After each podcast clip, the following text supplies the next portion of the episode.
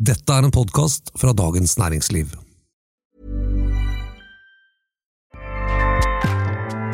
ACAST powers the world's best podcasts. Here's a show that we recommend. Hi, I'm Jesse Cruikshank. Jesse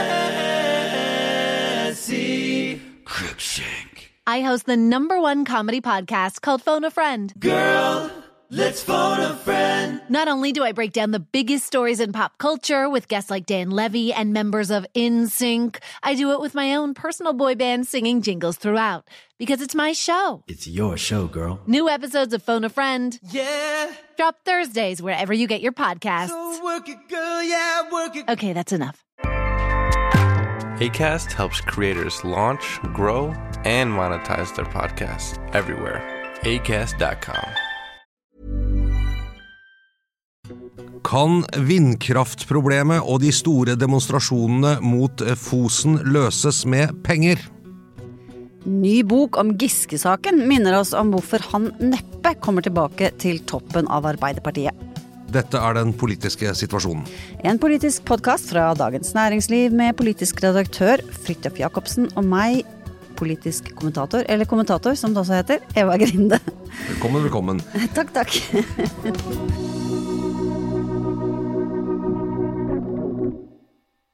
Vi hadde et litt livlig morgenmøte i, her på DNs kommentaravdeling i dag, Eva. Ja, det hadde vi. Eh, Vi bar hverandre ikke ut i lenker, det gjorde vi ikke. Men vi var litt, eh, det var engasjement. Det var engasjement.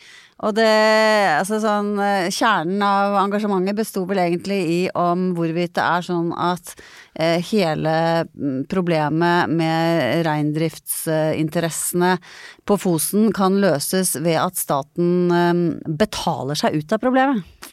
Ja. Og så, og så liksom Er det kun et spørsmål om penger her, eller handler denne denne, alle disse kreftene som ligger bak det å bevare urbefolkning, kultur osv.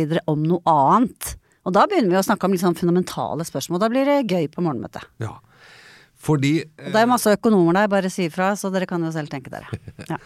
eh, Fosen-saken, eh, eller demonstrasjonene i Oslo Fosen-saken har jo vært en eh, krevende sak for partene i denne saken i mange år. Eh, Men disse demonstrasjonene i regjeringskvartalet, eh, med Greta Thunberg, Ella Maria Hetta, veldig stort engasjement, natur, ungdom osv., og, så og, og litt sånn gammeldags aksjonisme hvor folk lenker seg sammen og blir båret bort av politiet og sånn, det, det har jo øh, øh, fått oppmerksomheten vendt voldsomt mot denne saken. Og det øh, som er litt Altså, her er det så mye. Det er så mye stort og sånt, men i bunn og grunn så må vi altså komme tilbake. Hva er selve konflikten? Konflikten er mellom to, eh, et, et i nordområdet av delen og et- i sørområdet, SIDAR som det kalles. Altså en sammenslutning av familier som driver med reindrift. eh, Og igjen innenfor den sørsamiske kulturen da, i Trøndelag. Og de, deres motpart er utbyggerne av denne store vindparken, som er en av Europas største vindparker. Og det, det er liksom den juridiske konflikten og den som Høyesterett har vært inne i. Og så er det som demonstrasjonene handler om mange andre og veldig også større ting, da. Ja, så interessene står jo mellom, mellom det å ha det arealet fortsatt tilgjengelig for reindrift, og dermed altså utøvelse av kultur, som man har en rett til via gjennom menneskerettighetene som Norge har ratifisert, og som går foran norsk rett, eh, dersom det er konflikt, til og med. Um, og så har du den andre siden av saken, uh, og det er jo selvfølgelig et, eh, et lite perspektiv. eh, næringsinteresser, arbeidsplasser, penger osv. Men i et større perspektiv også klimaspørsmålet, ikke sant. Og, og behovet for uh, fornybar kraft. Eh, og jeg mener at dette her er jo Dette må jo bare være opptakten på en rekke konflikter vi kommer til å se fremover nå. Altså kampen om arealet i Norge. Ja. Og, og i og for seg en litt sånn veldig kjent uh, konfliktlinje, vekst og vern, ikke sant. Uh, og som uh, vi kjenner fra vannkraftutbygginger, vi kjenner det fra, vi kjenner det fra kraftlinjeutbygginger, monstermassdebatten og dette. Inngrep i natur som man kan si, i hvert fall noen vil hevde, er til gavn for samfunnet som stort, da, men som, som gjør dette. Det, Men her får du inn det tredje som, jo, som gjør det liksom? Nemlig dette med kniva, eh, klimaperspektivet. Ikke sant? Det er vekstvern og klima som eh, det, er, det handler jo ikke bare om at, eh, at, at vi skal få større produktivitet i samfunnet, det handler også om at vi trenger eh, annen type kraftproduksjon på sikt.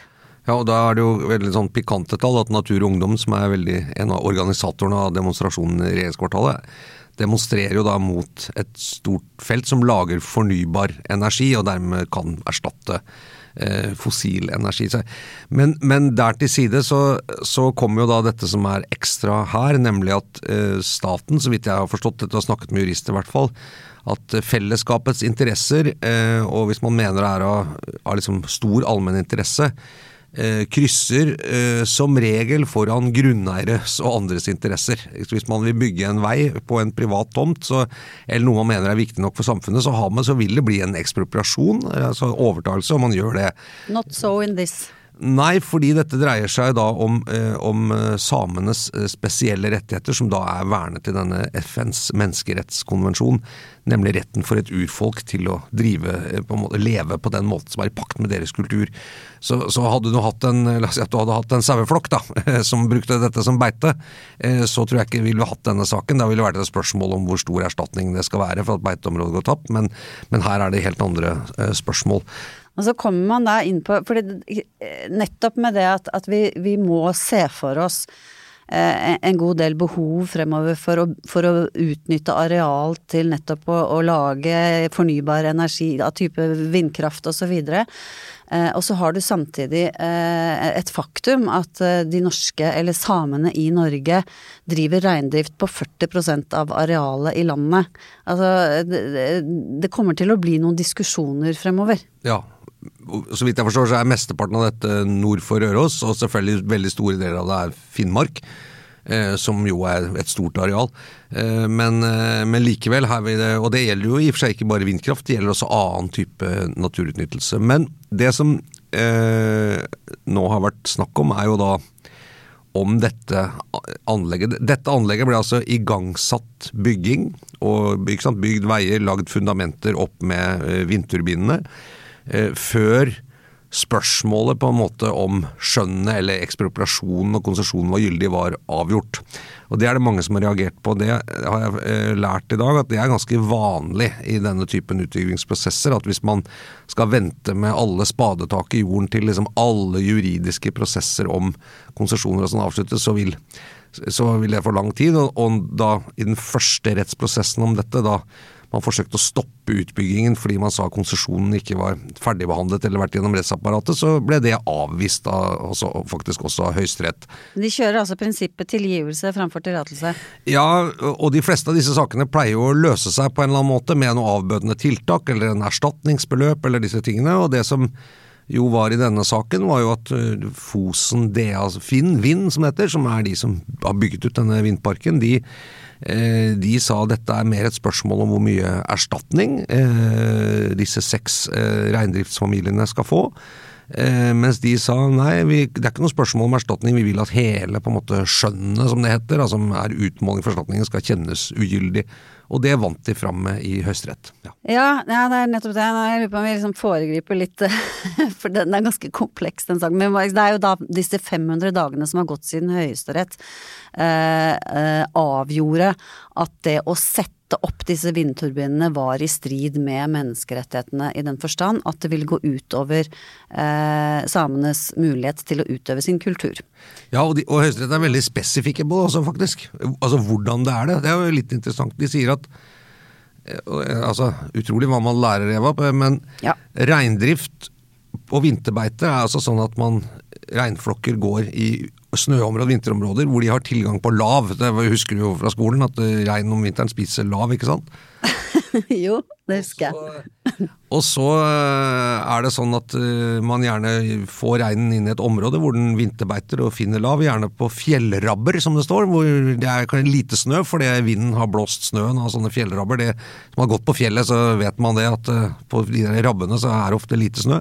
Det er så gøy med sånne nye ord som vi bare Ja. tar i bruk. Ja, og så eh, Men så er det jo som alt annet liksom bruk av naturen, så veksler man vinterbeite mellom forskjellige områder for at ikke man skal beite det helt ned.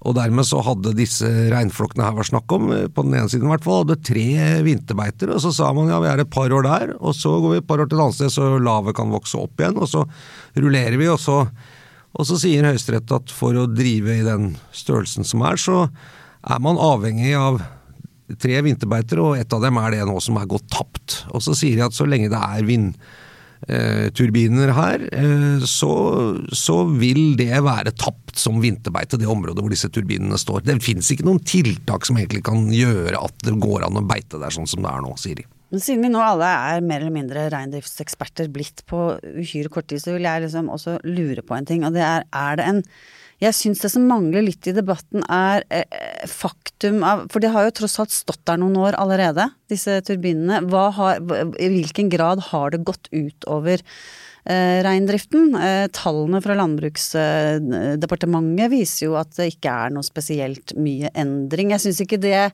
Det blir ikke argumentert veldig godt med at vi ser allerede hvor hvor skadelig dette er for, for næringen. Bare skyte inn det, at jeg lurer Men eh, ja. Jeg har Ja, ikke lest hele høyesterettsdommen, jeg skal, jeg skal innrømme det. Nå skal jeg prale med det, men det, eh, Nei, altså, de, flokkene har ikke vært i dette beiteområdet siden 2007, altså der hvor vindturbiner ligger. Og, Nettopp. Og det er jo en av grunnene til det, er at eh, ikke så lenge etter 2007 så begynte man å bygge der. Så da var det ikke så enkelt å beite der, for de har nå stått der. Det begynte i 2013 med byggingen. Ja, så det la oss si fire år, altså, eller åtte, ni, ti, Ja, eller hva det blir. ja. Men i normale eh, ting så ville dette vært en del av det rulleringen som jeg snakket om. Og så, og så sier man at, at da Høyesterett i hvert fall sier, og lagmannsretten også i og for seg, at hvis med bare to vinterbeiter, så vil det på sikt, på sikt ikke være nok til å opprettholde flokkens størrelse. Da må man enten redusere flokken, at den blir omtrent halvparten så stor. Da ryker lønnsomheten.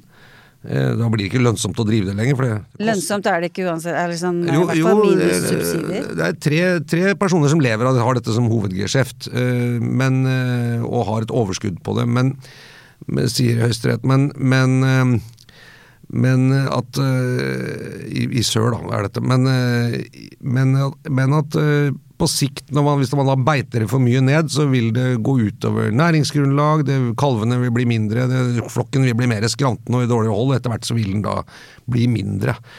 Eh, Og det er liksom kjernepunktet, at de sier ja. Ja, så er spørsmålet hva kan man gjøre med dette? Ikke sant? Og de, de som har lenket seg eh, inne i departementene sier at det er bare én ting å gjøre, og de tolker Høyesteretts dom som helt uomtvistelig. Det betyr riv ned 151 vindturbiner. Eh, Det er den eneste måten å gjøre det på. Så, og, men så, så er det jo andre ting oppi, oppi lufta her med, med å, å skru dem av deler av tiden, uten at jeg vet hvordan man gjør det rent teknisk. Gi, eh, gi, gi bort andre områder, eh, beiteområder. Altså prøve å rute reineflokkene til andre steder. Altså den type ting. Eller og eller, eller i kombinasjon med dette da eh, eh, pengekompensasjon til disse reineierfamiliene som er rammet. Ja, når, når det gjelder andre områder En del av dette har jo også vært oppe da, både i tingretten og lagmannsretten. Når det gjelder andre områder, så må nok det innebære at hvis de skal, rein, disse reinflokkene skal beite på andre områder, så må de flytte. Altså, det, det, det er i dette området denne reindriften drives, og det er ganske langt til neste område hvor den reindriften kan drives. Da må de flytte. Ja, men det har vært snakk om å, å nå inngjerdet vinterbeite, eksempel. Og der, der har det, ser jeg nå, at der er du også opplest. Det, det ble foreslått at man sa at i, i de årene hvor da det var nødvendig å ha tilgang på det området man hadde altså, Høyesterett sier at når, så lenge det er vindpark her, så er dette området Det går ikke å bruke det som beite. Sånn er det. det, er sånn, det, det er ikke noe, så når man snakker om det kan tilpasses og sånn, så, så er dommen sånn Det sier egentlig Nei, det er ikke mulig. Og så, så det virker litt som en sånn omkamp, da, som ikke har helt rot i hva den dommen sier, så vidt jeg kan se. Men da enten så må det ned, altså, og tilbake til å bli et beiteområde. Eh, og det har noe med hvor vindmøllene står også, nettopp på disse fjellrabbene, som du sier. Eh, eller så kan man si at i noen år så, eh, så setter man reinflokken i en innhegning og gir den fôr. Altså som man gjør med husdyr, Ja, var det jeg mente. Men det, er blitt, det, det forslaget er visst, det visst ganske lite realistisk. Ja, for det er da Det er Her kommer du inn på dette det med gjør det. Det er ikke sånn man driver reindrift tradisjonelt, ikke sant. Det er ikke en del av Nei, kulturen. det er det. Så det handler jo ikke bare om å, å få mat inn i de reine, reinsdyrene. Det handler om også måten man eh, gjør, gjør det på. Ja, og så er det kostbart.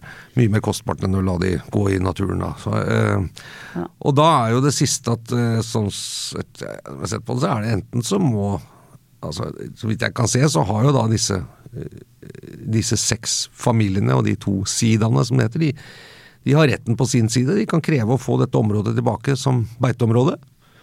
Det har Høyesterett bestemt, og hvis de ikke skal gjøre det, så må det være fordi at de sier at eh, de kan få noe annet som sier at de frafaller den rettigheten. Det har de anledning til, og det vil jo da kanskje være eh, penger, da, hvis de er interessert i det. Men det er ikke så mye som tyder på at de er det.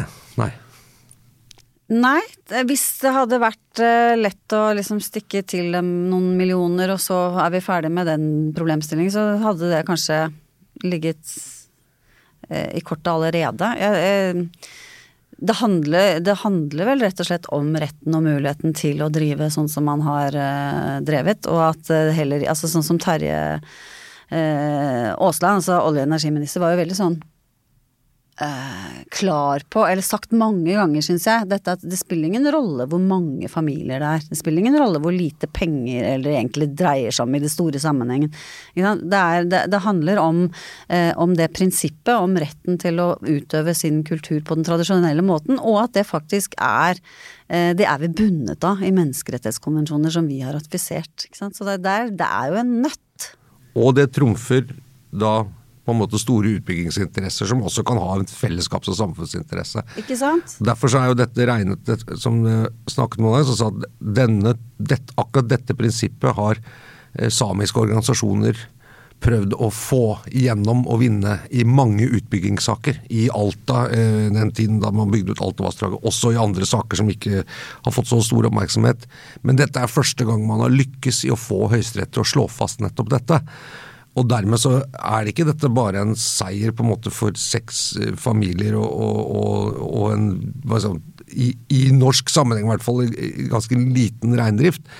Eh, Men det oppfattes da av hele den samiske befolkning som en veldig viktig seier for, eh, for samenes rettigheter til å utøve sin kultur gjennom reindrift eh, liksom, eh, i, norsk natur, og hvor det, ikke, hvor det krysser foran eh, utbyggingsinteresser, vindkraftverkinteresser og denne ting. og Dermed så blir saken plutselig veldig stor. Men ifølge Senter for menneskerettigheter så, så ligger det i den, i den paragrafen at, at når det gjelder urfolks rettigheter, så kan man ikke begynne å veie storsamfunnets interesser opp mot det. Og at eh, det var noe av feilen man gjorde da man vedtok i departementet, da det ble vedtatt og gitt konsesjon til dette i utgangspunktet. For det er selvfølgelig har vært klar over den konflikten hele tiden. Det har jo vært et, en problemstilling hele tiden. Og så har man, som du sier, eh, satt i gang eh, før ting har vært eh, i orden. Men noe av de liksom, interne måtene å argumentere på skal ha eh, vært på, vært på dette med storsamfunnets behov for energi osv., men at det egentlig da ikke er anledning til juridisk. Så det er mange floker fra, på kryss og tvers her. Ja, ja, det har vært to ting. Det ene, og det, det er så interessant at høy- Høyesterettsdommen sier at det, det finnes eh, på en måte fellesskapsinteresser, men som er litt av samme menneskerettskarakter. F.eks. retten til et eh, klima som er levedyktig. Og, og da kan man jo si at uh, noen ganger så må urfolk fravike sine rettigheter av hensynet til f.eks. et levedyktig klima, men, men det man mer betegner som generelle samfunnsinteresser, behovet for infrastruktur, flyplasser, skytefelter, forsvar osv., det, uh, det går ikke. Det er ikke nok, på en måte. Ikke sant? Nei. Så det blir kanskje neste trinn i det juridiske her, da, med å dra inn eh, retten til klima. Ja, men det Da begynner det å bli komplisert. Man kan jo bygge vindkraft andre steder enn akkurat her, da, tror jeg. Men, eh, men, men sånn som jeg så i dommen, så, så har det vel Altså, utbyggerne vant jo på en måte i to instanser, hvor de sa at de kom med nok kompenserende tiltak til at eh, rettighetene i praksis ikke var krenket. ikke sant? Eh, De kunne ha vinterfòring, innhegning, de, de kunne gjøre noen tilpasninger der. De kunne få en økonomisk kompensasjon som gjorde at, at liksom, de kunne fortsatt drive dette på en lønnsom måte, og dermed så var rettigheten ivaretatt. Men det er Høyesterett sa, nei, den var ikke det, da, i denne saken. Men det, hvordan den ender, er, det er et åpent spørsmål. Jeg, jeg, vil jo tenke, Når disse seks familiene har vunnet denne ekstremt viktige saken for det samiske miljøet i Norge, hvis de nå skulle si ja, nå får vi så mye penger for å frasi oss denne retten at vi, vi tar det og drar, så, så tror jeg, jeg, tror det vil være litt krevende eh, sånn for den sørsamiske kulturen og sånn. Det er vold, veldig ansvar de har fått på seg her, da. Ja, jeg tror heller ikke at, at, det er spesielt aktuelt og, for alle de familiene å si ok, da dropper vi all reindrift eh, for så og så mange millioner. Men et eller annet kompromiss Uh, hvor, hvor, de en, hvor, de kan få drevet uh, videre i tilstrekkelig grad kombinert med erstatning, muligens. Nei, vi får, vi får bare se. Men det, det, er jo kjempegøy, ja, gøy, interessant at Greta Thunberg har jo hevet seg på. Også dette nye begrepet grønn kolonialisme er også sånn, det viser også Jeg tror de også peker framover hva vi skal hø få høre mer om, altså. Ja. Den er, ikke sant, hvor, hvor, hvor, hvor det, det, er liksom klima mot miljø eh, som står mot hverandre. Ja, og så har det gått og kampen om arealet. 500 dager siden dommen, og, og, og også kan hevde å si at så lenge man kan trenere denne saken, f.eks. ved å si at ja, men da foreslår vi at vi gjør dette, og så kan det komme en ny rettsprosess som sier er dette godt nok, og så så, så, vil jo dette vindkraftverket produsere og produsere og produsere og produsere så lenge det får stå og produsere. Og, på, og for, for, hvert år og hver på en måte megawatt-time den produserer, så vil jo eh, kostnaden på en måte bli dekket inn. ikke sant? Så det er jo en interesse for, for utbyggerne her å si at det er mulig vi må rive det til slutt, men vi skal i hvert fall prøve å få det til å produsere så lenge som mulig. ikke sant? Ja. Men det er klart det, det er en politisk nødt til å løse den helt konkrete, akutte krisen som eh, utspiller seg eh, i, i Oslo sentrum. Det, man kan jo ikke drive og, og, og, og hale ut demonstranter eh, hver eneste natt framover. Med alle de bildene og historiene og Altså, det, det, må, det, det, kan jo ikke vare i all evighet. Så, så akkurat nå så ser det temmelig uh, uløselig ut med de kravene, da. Men det er klart, det kommer jo også til å nyanseres etter hvert. At uh, det er ikke bare én mening i den samiske befolkningen heller om dette, det vil jeg tro. Nei, nei.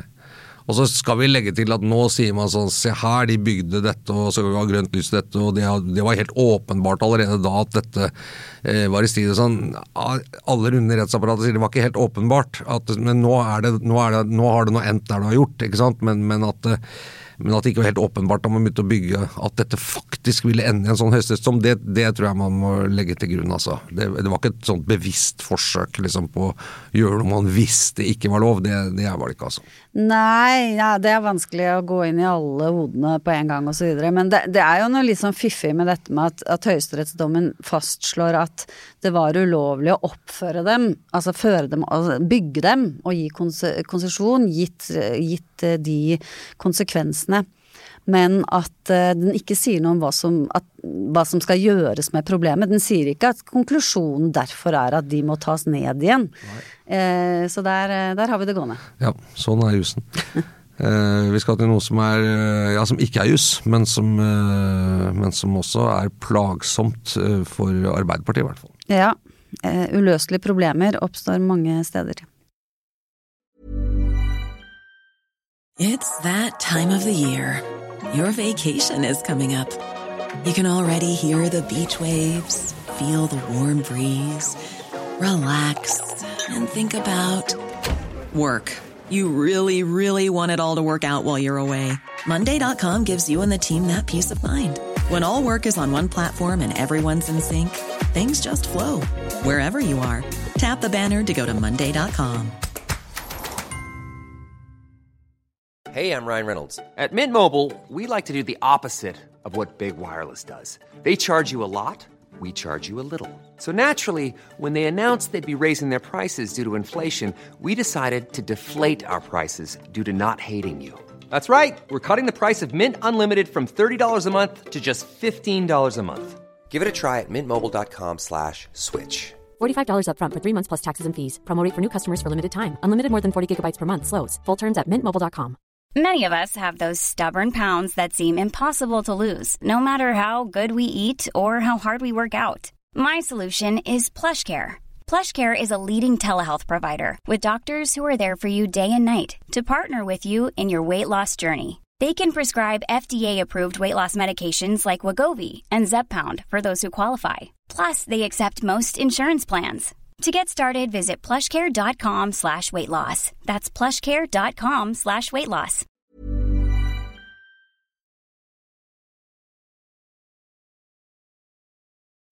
For du har lest en eh, ny bok eh, som heter eh, Varslerne, så vidt jeg husker? Eller? Ja, det heter den. Av Den Heidi he- Helene Sveen. Varslerne. En fortelling om Giske-saken, seksuell trakassering og kulturen som tillater det, heter den faktisk. Ja, skrevet av Heidi Helene Sveen. Ja. Eh, kom ut i dag, vel? Eh, i onsdag, når vi spiller inn dette. Og eh, ja, tittelen eh, er jo forklarende. Eh, denne saken har vi fulgt altså i mange instanser. I pressen har vært skrevet veldig mye om det. Når du leste boken, hva, hva, hva var det første du tenker dette visste jeg ikke, hva var nytt for deg? Altså det var ikke, det var ikke sånn eh, noe som var superoverraskende super overraskende og nytt, men det som er viktig med denne boken er at den samler opp eh, en historie som har vært helt, eh, helt avgjørende for Arbeiderpartiet, og så kommer den opp eh, i kontrast til den, eh, den politiske situasjonen som Trond Giske står i nå. Ikke sant? Har jo, det har jo vært de siste tre-fire månedene eh, en enorm oppmerksomhet eh, rundt eh, Trond Giskes gjen, eh, gjenoppstandelse, nærmest, i, i Trøndelag. Med dette Nidaros, eh, det sosialdemokratiske forum, som jo har 4000 medlemmer, videre. Um, og så er det så er det den historien som ligger bak der, som rett og slett er samlet da mellom eh, to permer, og veldig grundig uh, forseggjort av eh, samfunnsviter eh, s- eh, eh, Hilde Helene Heidi Helene Sveen. Ja. Heidi Helene Sveen. Ja. Sorry. Um, så spørsmålet er, tenker jeg, noe som er interessant, hva betyr det politisk at den boka kommer nå?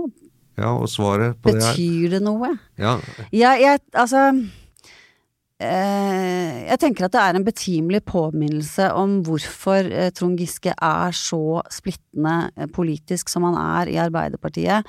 Og også en eh, bekreftelse på, vil jeg, jeg vil si det, gå så langt som til å si at det er en bekreftelse på hvorfor han ikke kommer til å komme tilbake på toppen av Arbeiderpartiet. Det er min påstand. ok. Fordi man, det, er, det, er, det som er interessant med å gå tilbake til en sånn historie som du kjenner en god del fra før, er at du, du får liksom Det kommer opp igjen. Å ja, sånn var det, ja. Ikke sant? Altså, du, du blir det, Bare ting som skjedde i fjor, er, blir jo ofte Det er veldig Det veit vi jo. Vi sitter her bare og går surr og husker ikke tingene og så videre. Så sånn sett så har den en, eh, en stor betydning. Og jeg tenker den er ikke bare problematisk for Trond Giske, men også for eh, Arbeiderpartiet og hvordan de takla denne historien. Altså, kanskje én ting som jeg, um, jeg syns er veldig sånn sterkt og kommer veldig sånn klart fram, det er at uh, første gangen uh, Arbeiderpartiet sentralt uh, hadde et oppvaskmøte etter at varslene var begynt å komme, etter at det var begynt å skre bli skrevet om i pressen, um, så første konklusjon de hadde var at dette var kritikkverdig. Det, ikke, det, ikke, det ble ikke slått fast at det handlet om seksuell trakassering, eller at det var brudd på noen regler, eller i nærheten av å bryte noen lover. Eh, Dette var 21. desember 2017. Og da gikk også Trond Giske i Dagsrevyen og leverte en slags halvkveda eh, unnskyldning. Som litt sånn klassisk med 'jeg er veldig lei meg hvis noen har oppfattet at jeg har gjort noe, noe galt'. Og det man da liksom, når du ser alt dette stoffet samlet opp, så ser du at det, med i potten etter den eller før den vurderingen, så var dette varselet fra en som het Sunniva Andreassen, som var AUF eh, Hun var medlem av AUF i Tromsø.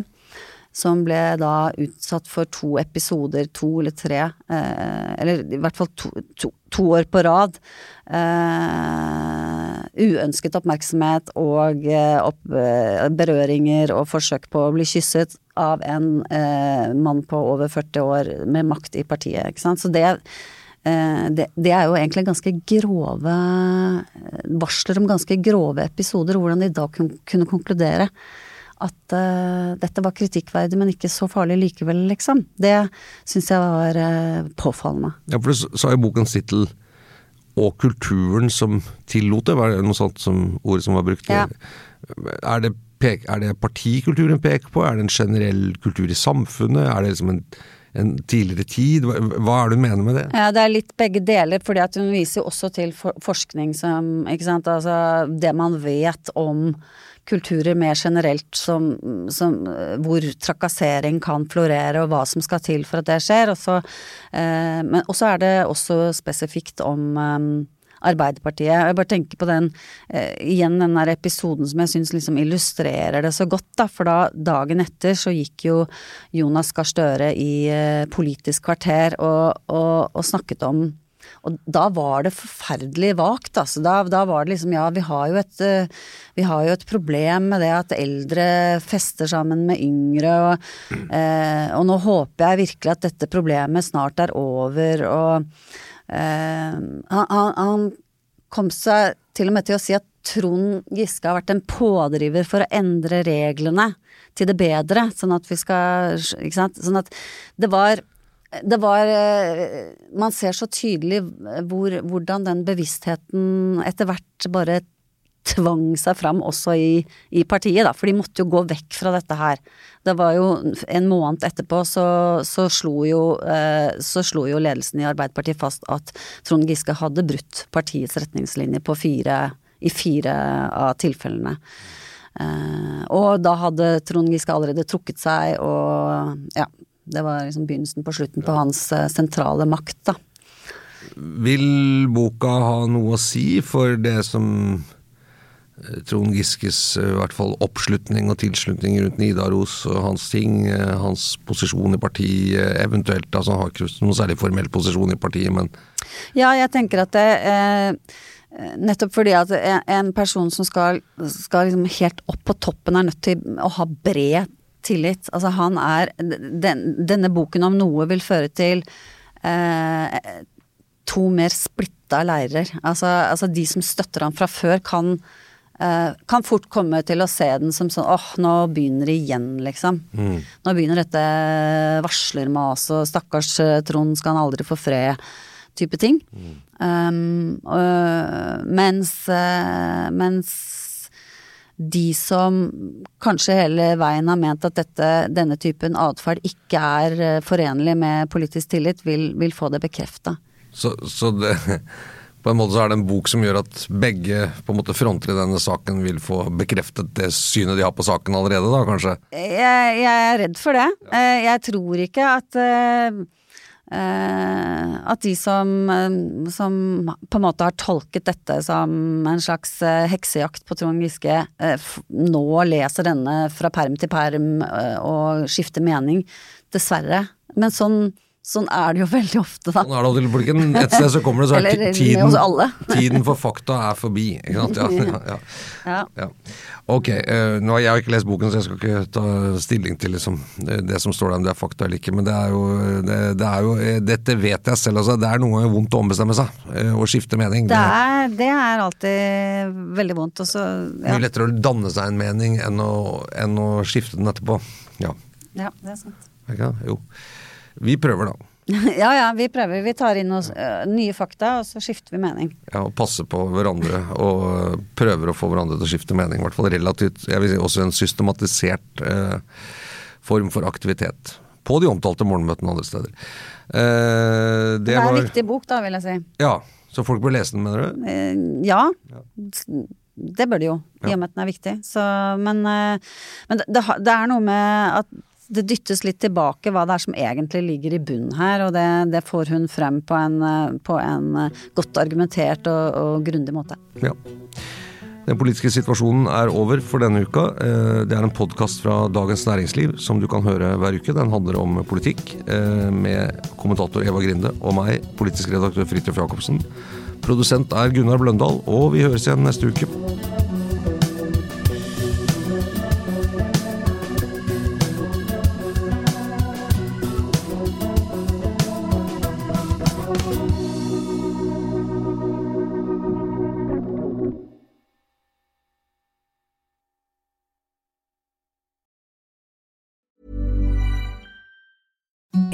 The softest sheets you've ever felt. Now imagine them getting even softer over time. That's what you'll feel with Bowl and Branch's organic cotton sheets. In a recent customer survey, 96% replied that Bowl and Branch sheets get softer with every wash. Start getting your best night's sleep in these sheets that get softer and softer for years to come. Try their sheets with a 30-night guarantee. Plus, get 15% off your first order at bowlandbranch.com. Code BUTTERY. Exclusions apply. See site for details.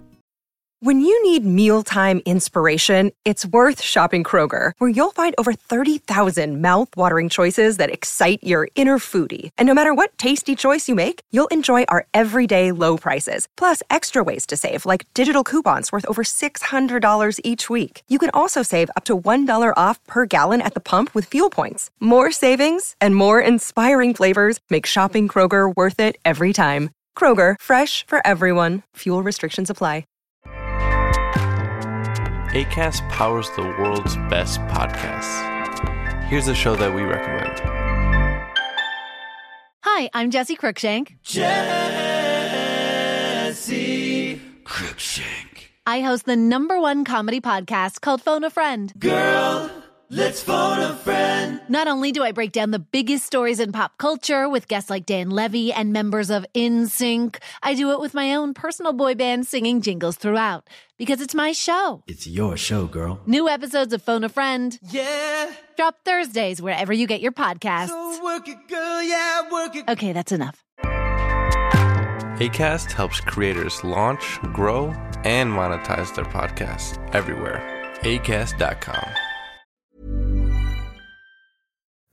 Du har nå hørt en podkast fra Dagens Næringsliv.